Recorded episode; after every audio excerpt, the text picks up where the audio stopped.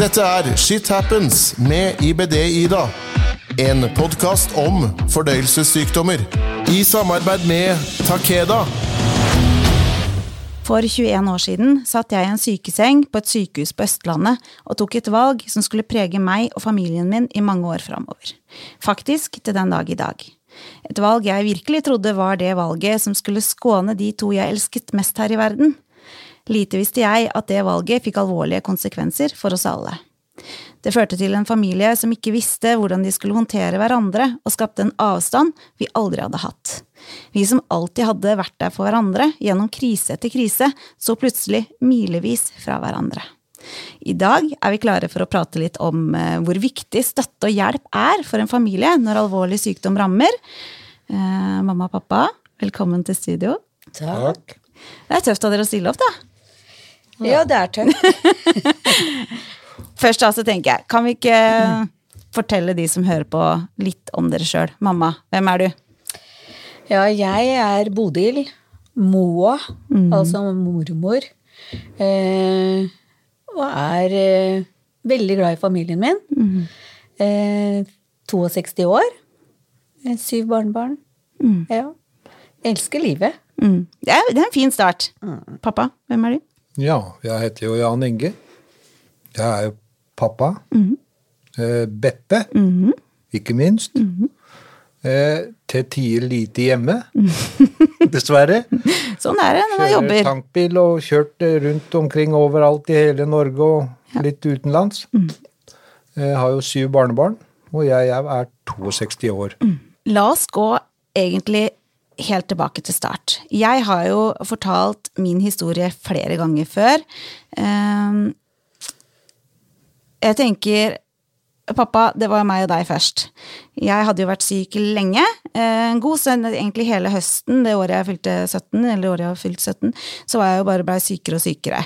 Ehm, Til slutt så ble jeg så syk at eh, du kom og henta meg eh, i Horten, hvor jeg bodde, og du og jeg kjørte da til, til eh, fastlegen vi hadde.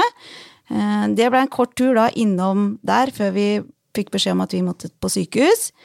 Eh, og der inne så fikk vi bare beskjed om at jeg skulle legges inn, og vi kikka sånn forundra på hverandre, for det var vi ikke forberedt på. Etter det så blei det jo litt annerledes, men fortell litt, hvordan opplevde du starten?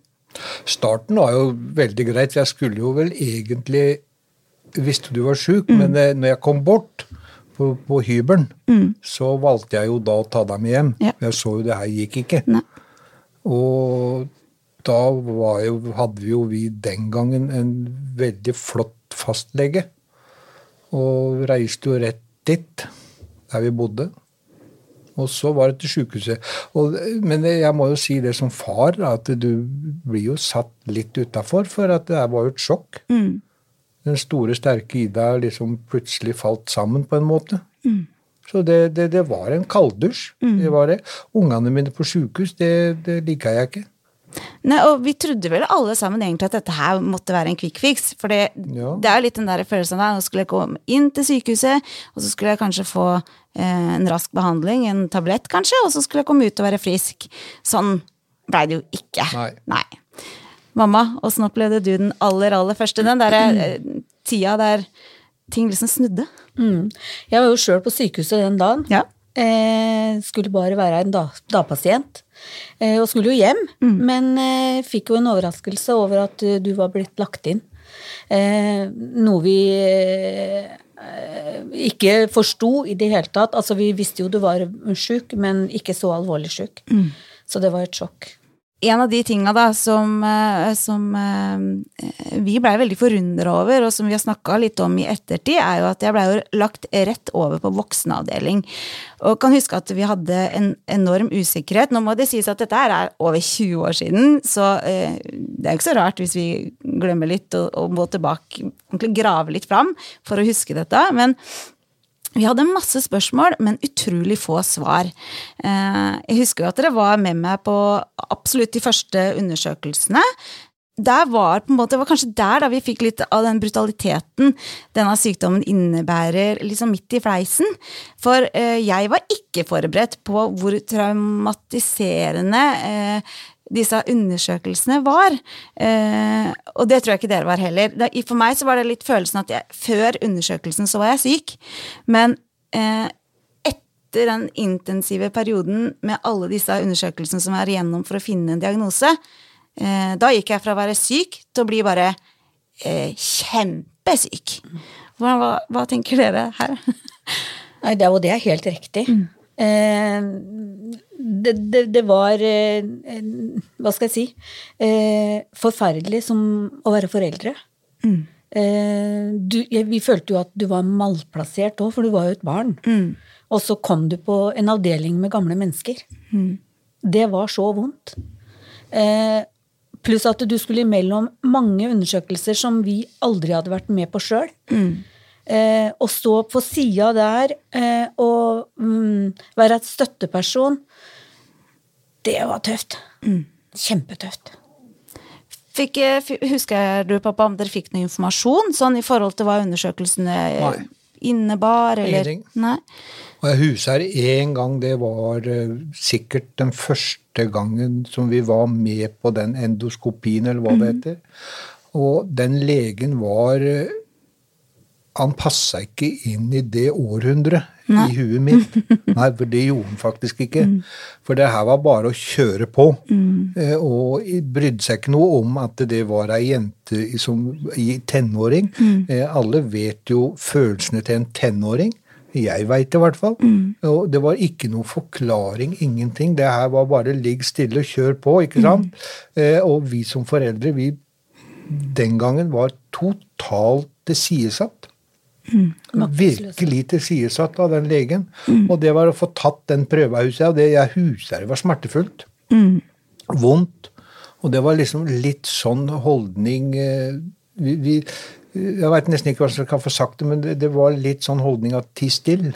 Mm. Om vi kan sa det med rene ord, så kan du lese mye mellom linjene. Mm. Jeg kan få si så mye at han sa det også. Ja, det vet du. Eh, for vi, vi, har jo en opplevelse, mamma, hvor eh, en av de det var, av, det var vel den siste eh, den siste undersøkelsen som jeg hadde med meg dere på, mm. uh, hvor jeg grua meg noe helt forferdelig. For før undersøkelsen, før jeg hadde gjort disse undersøkelsene, så grua jeg meg for veldig det ukjente, alt jeg ikke visste hva var.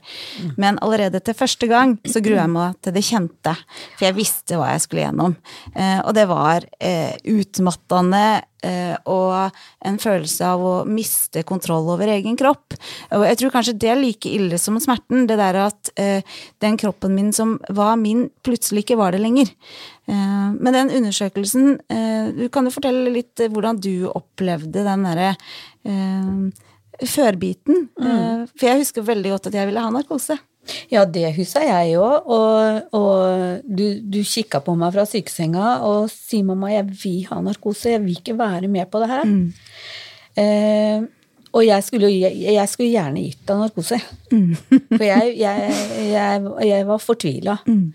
Eh, men så sier jo de legene at uh, de som skulle ta den undersøkelsen, at du vil komme til å få noe beroligende, og du vil ikke komme til å huse noen ting. Mm. Uh, og jeg huser det som det skulle vært i går. Fordi at du står som foreldre til ei som er så redd og så fortvila. Eh, og så må du på en måte bare tenke i huet ditt at hun vil ikke komme til huset nå. Mm. Eh, og så går den undersøkelsen sin gang. Eh, og jeg husker det var ei sykepleier, hun, hun sto og tørka svetten din. Jeg kjenner det er vanskelig å snakke om det. Ja, det er lov å si det. Ja, ja. Jeg kjenner det gjør vondt mm. i hele meg når jeg snakker om det. Mm. Det er følelsesladde fortellinger. Mm. mm. Eh, og jeg så hvor vondt du hadde det. Mm. Men jeg, hele tida så tenkte jeg liksom at eh, åh, du kommer ikke til å huske noe. Mm. Du, når vi er ferdig med det her, så, så, kommer du til å fortelle meg at det her husa jeg ikke, mamma. Mm. Var det trøsta di da? Det var trøsta mi. Det var den store trøsta mi akkurat der og da. Mm. Og så var undersøkelsen ferdig, og så kom vi ut på gangen, og så ser du på meg, og så sier du, 'Mamma, jeg huser alt sammen. De mm. sier at jeg ikke skulle huse noe, men jeg huser alt sammen. Mm. det var altså jeg, jeg, jeg, glemmer ikke den dagen. Det var så vondt. Mm. Så vondt. Ja, For min del så var det jo en, en, en eh, Jeg husker jo også at eh, jeg ble holdt nede, og at jeg fikk beskjed om rett og slett å holde kjeft. Mm. Fordi jeg ropte jo, ikke sant. Jeg hadde jo fryktelig vondt og var redd. Og det er jo to kombinasjoner vi har snakka om i podkasten før, at eh, hvis man er utrygg i en situasjon, så er det ikke noe eh, det er det jo ikke noe lettere å gjennomføre dette her. Så dette med trygghet er jo eh, vel så viktig som det å gi, gi ja, beroligende eller Eh, ja, legge folk Makt skaper jo ikke noe godt. Nei, de gjør ikke det i det hele tatt. Uh, og uh, jeg opplevde jo da, når, vi var ute på gangen da, mm. og jeg kom meg opp på rommet, jeg husker jeg var kjempesliten, mm. og jeg husker at du ringte pappa, og at dere snakka sammen, og du fortalte jo din fortvilelse til pappa om ja, hva du hadde vært igjennom, og jeg lå og tenkte at dette her dette, dette klarer ikke mamma og pappa å bære. Eh, og så tenkte jeg at eh, jeg, jeg, var egentlig mest redd for at dere skulle si med rene ord til meg at vet du hva, vi orker ikke å, å, å, stå i dette noe mer sammen med det. Så det var enklere for meg. Jeg tenkte eh, at jeg må finne en løsning som eh, både skåner dere og meg. Og det, det, jeg gjorde da, var å si at eh, jeg ikke ønska å ha dere med på undersøkelsene lenger, eh, fordi jeg eh, følte at kroppen min eh, Jeg var jo voksen og følte at det ble for nært. At det var liksom for privat, det dere sto sammen med meg om. Eh, og jeg trodde da, med handa på hjertet, at det var det riktige valget å ta, for det skåna da, da dere. Mm. Da slapp dere selv å si at dere ikke orka å være med. Jeg veit jo nå at ikke det er noe sannhet i det. Um, og at jeg gjerne skulle unngått uh, å, å, tatt det valget. Mm. Um, men, men, hva tenkte dere, da? Pappa, hva tenkte du? Eh, jeg skal, kan fortelle en annen historie mm. angående deg. Mm. Eh, jeg veit ikke hvor riktig det er å ta opp, så det får du i så fall bare ta vekk hvis ikke det passer. Men jeg husker jeg lå på Rikshospitalet. Eh, mamma var hos oss. Dere var hos et Jeg vil ikke si hos hvem. Eh, så husa jeg Hadde jeg sikkert tatt én hodeoperasjon. Mm. Eh, og var kommet meg, og så var jeg dårlig, og så blei jeg dårlig igjen når jeg lå der inne. Så jeg mm. måtte ned ho i hast og ny operasjon. Ja, jeg det. Og da husa jeg mamma Eller jeg husa jo ikke, for jeg var jo ikke med, men det ble meg fortalt i ettertid. Da, at det, da ringer mamma opp til det mennesket som dere, du og Einar var hos, mm. og hun skåna dere for den historia. Så hun mm. fortalte noe helt annet. At liksom alt var bare fint. Mm. Og jeg husker når du fikk greie på det i ettertid, så var du sinna for du ville ha greie på det. Ja. Eh, den kan vi snu litt tilbake. Ja, selvfølgelig. Jo, jo, absolutt. Og vi ville være med. Mm. Vi ville støtte. Mm. Og ikke det at vi skulle se åssen det var, men vi ville være med, for det var jenta vår. Mm. Eh, vi, det var nå bare sånn, men vi blei jo Vi kan jo ikke true oss på. Mm. Nei. Nei, og jeg, jeg, tenkte jo liksom eh, Jeg må bare si at tanken min var enkelt og greit at uh, dette må jeg stå i aleine. For jeg så hvor vondt det gjorde dere. Uh, og ja, det er ikke noe tvil om at det var feil valg. Uh, og dere står jo da virkelig i en voldsom klemme, for, for dere ønska jo mer enn noe annet, selvfølgelig, å bare være der for meg, samtidig som dere ønska da å respektere meg og mine ønsker. hvordan føltes det å bli fratatt muligheten til å være der for meg, mamma? Det var kaos. Mm. Og det er jo fordi at vi hadde i alle år hatt en veldig god dialog. Mm. Eh, hvor vi alltid sa at åpenhet og gjensidig respekt, mm. det var det vi alltid sa. Uansett hva det var, så skulle vi fortelle hverandre åssen, det var, og, og, at det var sant, det vi sa. Mm. Eh, og det ga dere Det veit jeg ga dere mye trygghet når, når ting var vanskelig. Mm. Både med søster og med pappa. Ja, for jeg kan, bare sånn for at, at lytterne kan høre, eller forstå, da, så har jo eh, jeg hatt en, en barndom med mye sykdom, og med en pappa som har vært veldig, veldig mye syk. Sånn at eh, dette her med å eh, leve med sykdom tett på oss, mm. det er jo noe vi er kjent med. Mm. Jeg har jo snakka mye om hvordan jeg satte på meg da en maske for de rundt, eh, hvor jeg viste meg da fra en sterk og modig side, men så fort dere gikk ut den døra, så kunne jeg gråte i timevis. Rett og slett fordi jeg var eh, veldig redd. Eh, og mest av alt så ville jeg absolutt hatt dere hos meg, men jeg var for redd for å kreve mer av dere enn dere kanskje kunne klare å bære. Eh, skulle dere ønske at vi, hadde blitt, at vi hadde bedt om hjelp til å håndtere krisen som vi som en familie sto i? Ja, selvfølgelig. Og hadde vi, eh, hadde vi fått noen hint underveis, så tenker jeg at eh, da hadde jo åpenheten vært der med en gang. Men vi, vi som foreldre, vi, vi sto bare på sida. Det var ikke noe helsepersonal som, som ga oss noen eh, Ikke noe infor, informasjon. Eh, vi blei ikke innhenta på sida av deg. Eh, og du hadde bare bestemt deg for at du ville være aleine. Nei, så, så, så det, det var det som var eh, vrient, da. Eh, og jeg er jo helt eh, Altså helt, helt sikker på at hadde vi fått litt veiledning, så hadde vi kunnet eh, vært eh, modigere til å, å eh, rope ut våre behov òg, som foreldre. Men vi var tilintetgjort på en måte. Eh, hvorfor tror du ikke altså Det er en ting som er litt sånn rart, og det er jo å gå fra å være en familie som snakka liksom om alt, og vi var åpne om altså Jeg tror ikke det er noe jeg ikke har snakka med dere om helt ifra jeg var bitte liten, og fortsatt kan gjøre. Veldig åpent eh, forhold til foreldrene mine. Men i den tida der, da, da mista vi liksom måt, eh, vi, modigheten til å prate med hverandre om det som var vanskelig. Eh, og da tenker jeg sånn både for min del at hvorfor Jeg har tenkt på mange ganger hvorfor sa jeg ikke ifra at eh, egentlig vil jeg ha dere hos meg, kan eh, Orker dere å stå i det, eller ork, orker dere ikke? Og, og hvorfor sa ikke dere at eh, Ida, vi vil egentlig veldig gjerne være hos hvis Ikke sant? Hva er det som gjorde hva er det som gjorde at vi gikk fra å være der, eh, helt sammen, sammenknytt, til å på en måte bare ende på hver vår side? Har dere hatt noen tanker om det? Det er, jo, det, er, det er jo et vanskelig spørsmål. Det er det. Eh, og et veldig vanskelig spørsmål. Og og det er litt som jeg, som jeg mener, da. At eh, et barn, jeg kaller det et barn, Ja, jeg var jo det. eh, havna på en voksenavdeling. Hvor vi som foreldre faktisk blir utelukka både av, etter ditt ønske og, Ja, etter hvert, faktisk, mm. og faktisk og legene og helsepersonell. Ja. Eh, og jeg tenker litt sånn litt lenger fram.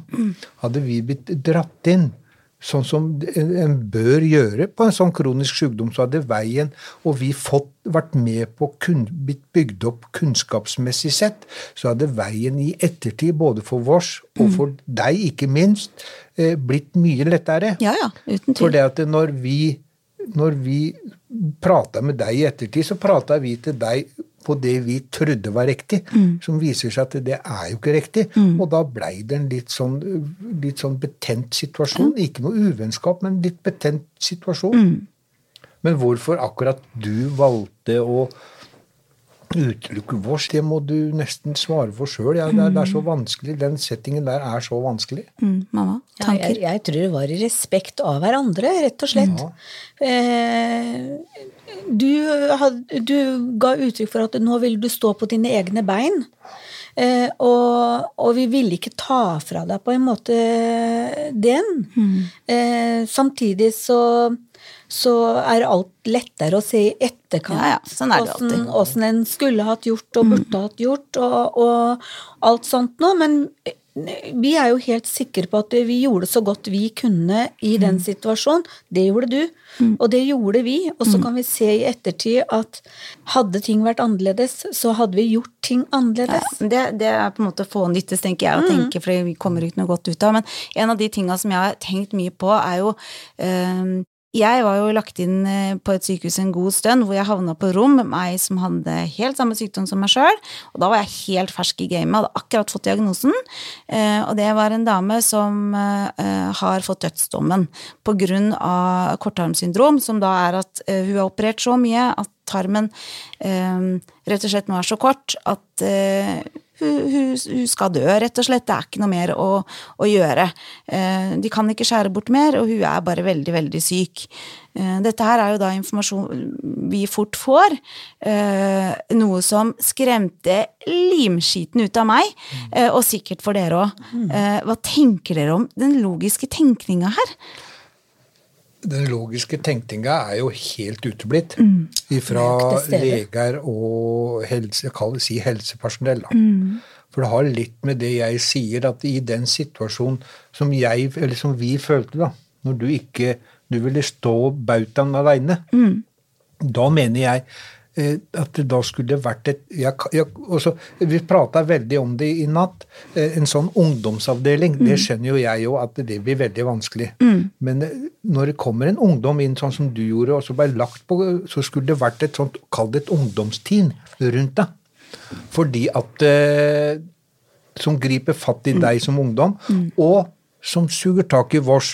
For at det er soleklart, du, har, du gjør dine ting, men da skulle det vært folk som greip fatt i vårs og sier at eh, nå må dere liksom ja, veilede vårs mye mer. Ja. Ikke bare nå kan dere gå ut og så stå på gangen. For det er sånn vi følte det. Ja, og sånn var det. Ja, og, sånn var det. Eh, mm. Og det er jo ikke noe tvil om at det triste her er jo at det valget som jeg tok den gangen, da, gjorde at vi satt da på, med udekte behov og klarte ikke å kommunisere. Eh, og vi vokste bare lenger og lenger fra hverandre. Eh, og jeg har egentlig et lite behov for å si litt unnskyld for at jeg tok et så utrolig dumt valg.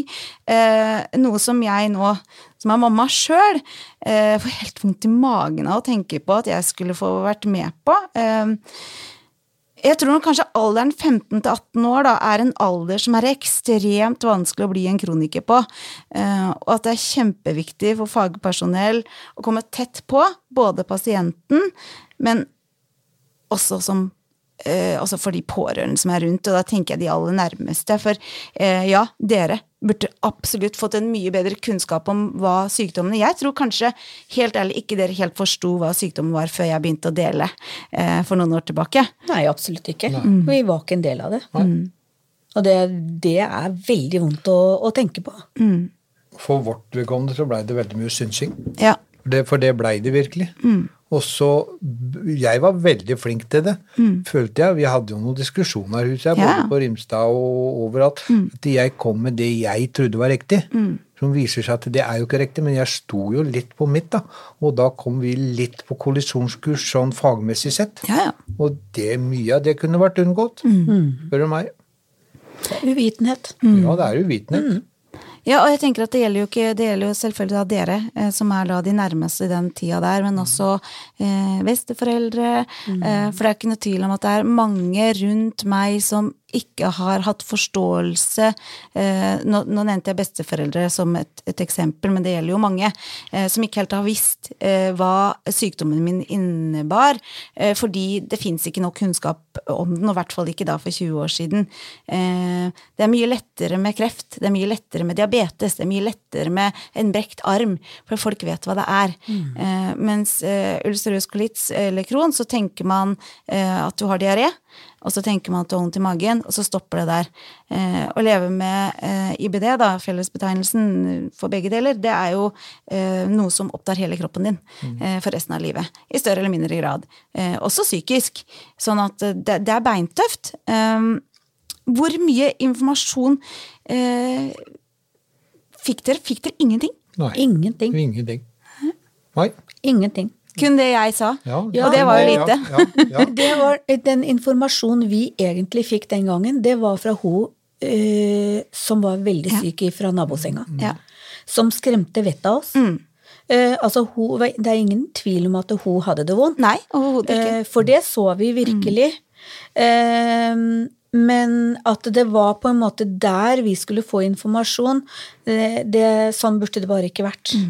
Vi burde hatt eh, noen rundt oss den gangen som sa at eh, hun er veldig uheldig. Mm. det er ikke alle som kommer i den kategorien. Mm. kategorien. Så eh, det her, kan gå bedre. En, en trøst da, i, i vår eh, situasjon. Eh, men det bare var kjempeskummelt. Ja, og veldig svart. Veldig Det- det var- negativt. Ja, det var det var. skikkelig svart. Ja. Og jeg tenkte jo at livet er over. Og Ja. da får du heller ikke noe kamplyst. Du får jo, du, man gir jo opp før man egentlig har begynt å, å prøve. Ja, og, og vi blei veldig usikre, for vi så jo den dama der. Eh, og vi tenkte at det, gud, er det sånn det skal bli for vår datter? Som har eh, Er det sånn det skal virkelig bli? Og det er jeg så takknemlig for at det ikke blei. Klart. Det må jeg bare si, og at, uh, at du sitter og informerer og forteller andre i dag uh, at det er lov å, å kjempe sin sak, og, og vi kjemper sammen. Det er, det er godt å høre. Eh, Ja, det er hyggelig å høre det. Eh, Jeg, jeg, jeg følte jo at jeg ble svikta ikke bare av helsevesenet, men av skole, og kanskje samfunnet generelt. Eh, Fordi eh, Altså, dere som foreldre står i en sånn håpløs situasjon der dere prøver å hjelpe så godt dere kan med møter, eh, med å prøve å liksom henvende dere til skole, men dere møter litt lukka dører fordi jeg liksom er voksen nok til å fikse ting sjøl. Men sannheten er at jeg var jo kjempesyk, eh, og jeg orka jo ikke å fikse dette sjøl. Tenker dere at det er helt feil at en ungdom, altså idet du blir over 16 år, så skal du selv fikse alt eh, sjøl? Eller tenker dere at eh, det burde vært naturlig at en som forelder også burde få lov til å være med og kjempe kampen? Helt, helt soleklart. Eh, og det å slåss, hvis jeg kan si helsevesenet For når pasienten er voksen, eh, det er ikke lett. For de er jo bundet opp til taushetsplikt. Og, og det, det er sikkert Det er lover og regler og- ja, ja. eh, Men, eh, og det at det, som 16-åring og vi går Men det er ikke så godt for oss å ha gjort noe, for at jeg har sagt det hele tida. Kronisk sykdom. Da er det vært mye lettere hvis du hadde sittet og har vært lam fra livet eller, eller en annen som folk ser. For da Det har ikke vært så lett å se på deg bestandig. Nei da, det har det jo for du har jo vært fiks og pen bestandig. Ja. Det, uansett når du er i hvert fall ute blant folk. Og det, Mm. det er ikke så lett å se det. Nei. Og det har vært en av, av tinga jeg har vært veldig opptatt av. Det er jo nettopp det at uh, sykdommen skal ikke synes utapå. Fordi uh, den har tatt fra meg så sinnssykt mange år. Den tok fra meg uh, år som jeg aldri vil få tilbake. Og da skal jeg i hvert fall bruke de åra som jeg har nå, og når jeg har fått tilbake på en måte Jeg ser at det er et liv å leve, da. Eh, det skal jeg bruke så godt som mulig. Og for meg så er det å stå opp uh, til normal tid, det å være en så bra mamma som jeg kan være, uh, sminke meg om morgenen, stelle meg, det er eh, en stor del av min medisin. Eh, Jeg er veldig glad for at du sier Ida. ja, det, det er jo det. Jeg har trua på at det å uh, Så sant en klarer, så, så skal en Det gjør godt for en sjøl.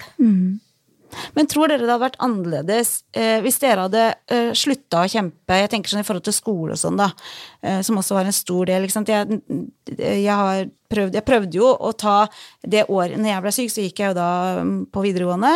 Um, jeg tror det var andre klasse, blir jo det. Eh, og prøvde jo da gjentatte år å ta opp igjen skolen, som jeg mistet da pga. mye fravær og mye sykehus. Jeg var så å si nesten bare på sykehus. Eh, Men selv om jeg var på sykehuset, så gjorde jeg så mye jeg kunne fra sykesenga. Eh, Tror dere det hadde vært annerledes om vi bare hadde gitt opp? Altså, tenker sånn, Hvis vi ikke hadde eh, prøvd så hardt, tror du noen hadde banka på døra og sagt at hallo, du kan ikke bare kutte ut og møte opp? Nei, det, en skal aldri gi opp. Men, men det er klart det at eh, i en sånn situasjon hvor du prøver tre år på rad for å komme inn og holde ut når du er sjuk, der er jo, eh, der er jo en stor svikt. Eh, og eh, det, det, det er jo virkelig noe som jeg håper skole og sånn også har eh, blitt bedre på, da. Det er å gi elever som har eh, en sykdom eh, på sida av seg sjøl, til å, å eh, få det tilrettelagt, sånn at en kan ta den utdannelsen, om det så er to år lenger, eh, og, og føle seg så langt vellykka, da. For det at å bli fratatt alt, det er jo fryktelig. Det er jo eh, skandale. Ja, jeg, jeg må jo si at jeg, jeg, mist, For meg da, den gangen så hadde jeg jo Idet jeg ble syk, så mista jeg jo alt. Det eneste jeg hadde igjen å kjempe for, var jo skolen. For det var det eneste stedet jeg eh, eh, ikke hadde sykdommen hengende om. Det var det lille jeg igjen hadde av meg, da. Eh, og så møter vi så mye motstand. Jeg huser du hadde flere altså, At dere, dere hadde flere samtaler med skolen hvor dere på en måte sa at det må jo være mulig å tilrettelegge. Eh, men det, det var tydeligvis umulig.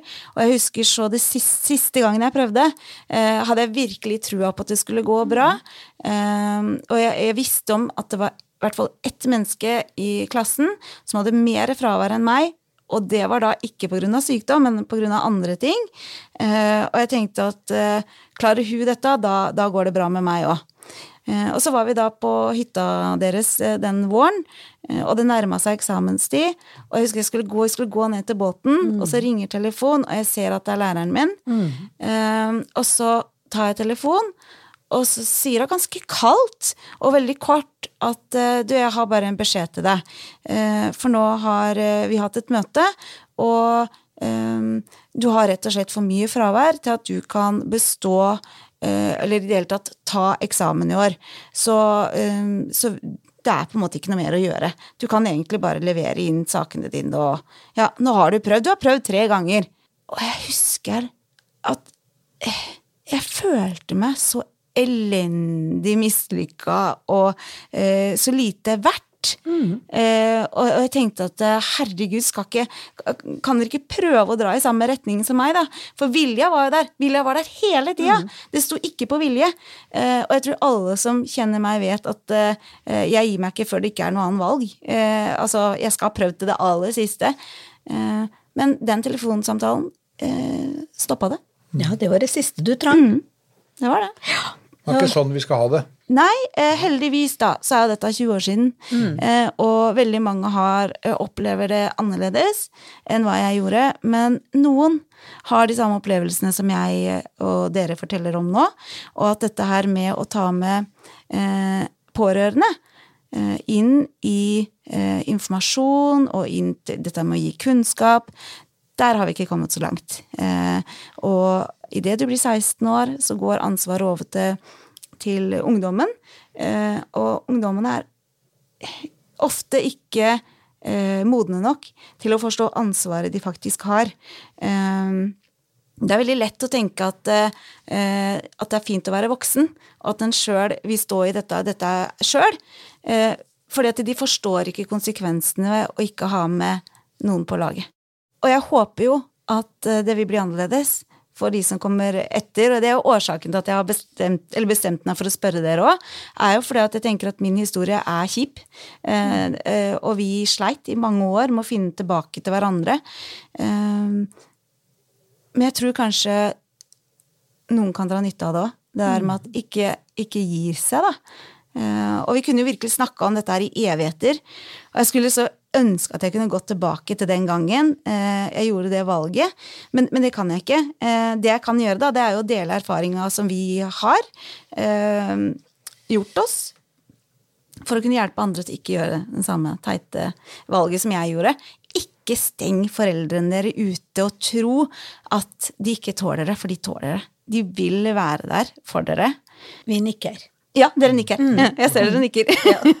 Tusen takk for at dere kom hit i dag for å hjelpe meg med å dele noe som er utrolig sårt mm. og vanskelig og vondt å snakke om. Fordi det har prega meg resten av livet. Det har tatt mange år å bygge opp også vår relasjon, for den blei skikkelig skakkjørt.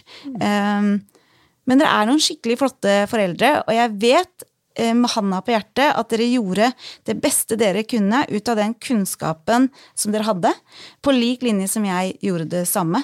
Mm. og nå har vi det heldigvis eh, bedre, jeg tør å påstå. Ja. Ja, har vi det ikke godt nå, da? Jeg må jo si at jeg syns vi er flinke til å prate sammen. Ja. Eh, har dere, hvis dere skulle gitt et råd til de som hører på, som foreldre Det er egentlig Nei, det er så vanskelig. Åpenhet. Ja, åpenhet, og, for det er utrolig viktig. Men hvis, dere møter, hvis, dere møter, hvis de møter da, det samme som dere møtte Nei, det, Nei, det er bare å ikke, Det- Du skal ikke godta alt som blir sagt, Nei. for det, og det er viktig. Og sjøl om legen sier det, du skal ikke godta det. for at, eh, Og den måten vi sto i det når du var på undersøkelse og liksom sånn litt sånn Ligg stille, det her er noe jeg må. liksom sånn. Og, og, og jeg skjønner jo det at han må ta undersøkelsen, men det er så mange måter å gjøre det på. Ikke overkjøre pasienten og liksom be vårs til stille, liksom. For eh, det, det er så mye rundt det. Jeg håper legene har kommet mye lenger i dag enn den gangen. vi Og følte nok- det var et ma- maktmisbruk Det på var en måte. til de grader. Nå, sk- han, det er som jeg sa til innledningsvis, han passer ikke inn i det århundret her, den legen. Nei, og, og det er jo ikke noe hemmelighet heller at han noen år etterpå ikke fikk lov til å ha pasientkontakt. sånn at, eh, og godt. er jo det, tenker jeg. Eh, Men allikevel så, så eh, Dette her er undersøkelser som den dag i dag blir stort sett gjort uten narkose. eh, Som da er en av mine kampsaker. Jeg mener jo at alle som må gjennom disse undersøkelsene flere ganger, som, hvor man tenker at her er det en mage- og tarmsykdom eller fare for det, burde få det i narkose, fordi traumene blir så enormt store. Eh, så, så jeg tenker at eh, jeg gir meg ikke, jeg må fortelle historien min før, før vi kan snu ting. Eh, har du noe på hjertet, mamma? Ja. Eh, Jeg tenker at den som har stått og sett eh, ungene sine, eller ja, ungene sine gå imellom sånne undersøkelser Jeg tror ikke det er én mor eller en far som hadde hatt lyst til å, gå imellom det uten å rett og slett sove. Og jeg må jo si at det er vel ikke et dyr som blir tatt den undersøkelsen på uten narkose. Og det tenkte jeg på her om dagen når jeg så Dyrepasserne. At det er faktisk ikke ett dyr som blir tatt en undersøkelse på som, som er med. Mm. Nei, det er noe å tenke på, og, og jeg tenker at traumene kunne vært unge, um, altså, Det kunne vært en helt annen historie, da. Men nå er det sånn det har blitt, eh, og historien er blitt fortalt. Eh, og jeg håper jo at eh, den kan være til nytte for andre. Som, som barn sjøl, hvis du er i samme situasjon eh, og tenker at, at mamma og pappa ikke klarer dette her, så eh, er mitt råd tør å snakke. Eh, snakk med de du har, eh, altså foreldrene dine. Og er det for vanskelig, ta kontakt med noen andre. For det fins folk som vil hjelpe, og det er fantastiske sykepleiere som jobber rundt på sykehus, som faktisk eh, ønsker å hjelpe, eh, og som kanskje trenger bare denne heads-upen på at dette her er faktisk et, et problem. Da. Eh, Så kanskje det at vi snakker om dette her kan skape en liten eh, tanke hos de som jobber med dette her, på at dette må tas litt mer tak i. Dette med sam, sammen... eh, eh, ja, hvordan, hvordan pasient og foreldre også snakker sammen. Foreldre tåler det. Ja, de gjør det. Ja, og det jeg ville si til slutt, som jeg føler kanskje jeg føler meg feil, det er det at det du sier, at det ikke vi Du trodde det at ikke vi klarte å stå i det.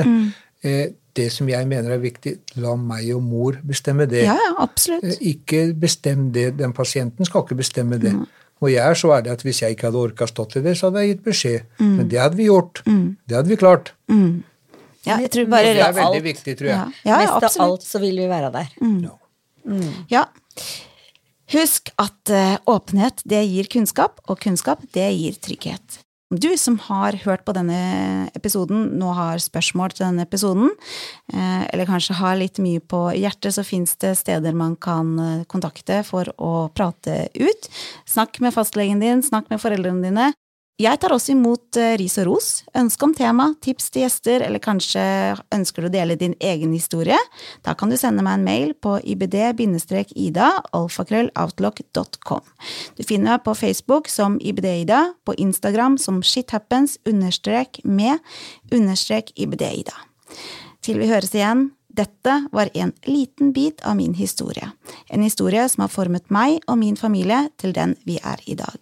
En historie som har gjort oss sterkere fordi vi har valgt å stå sammen. Du hørte Shit Happens med IBD-Ida.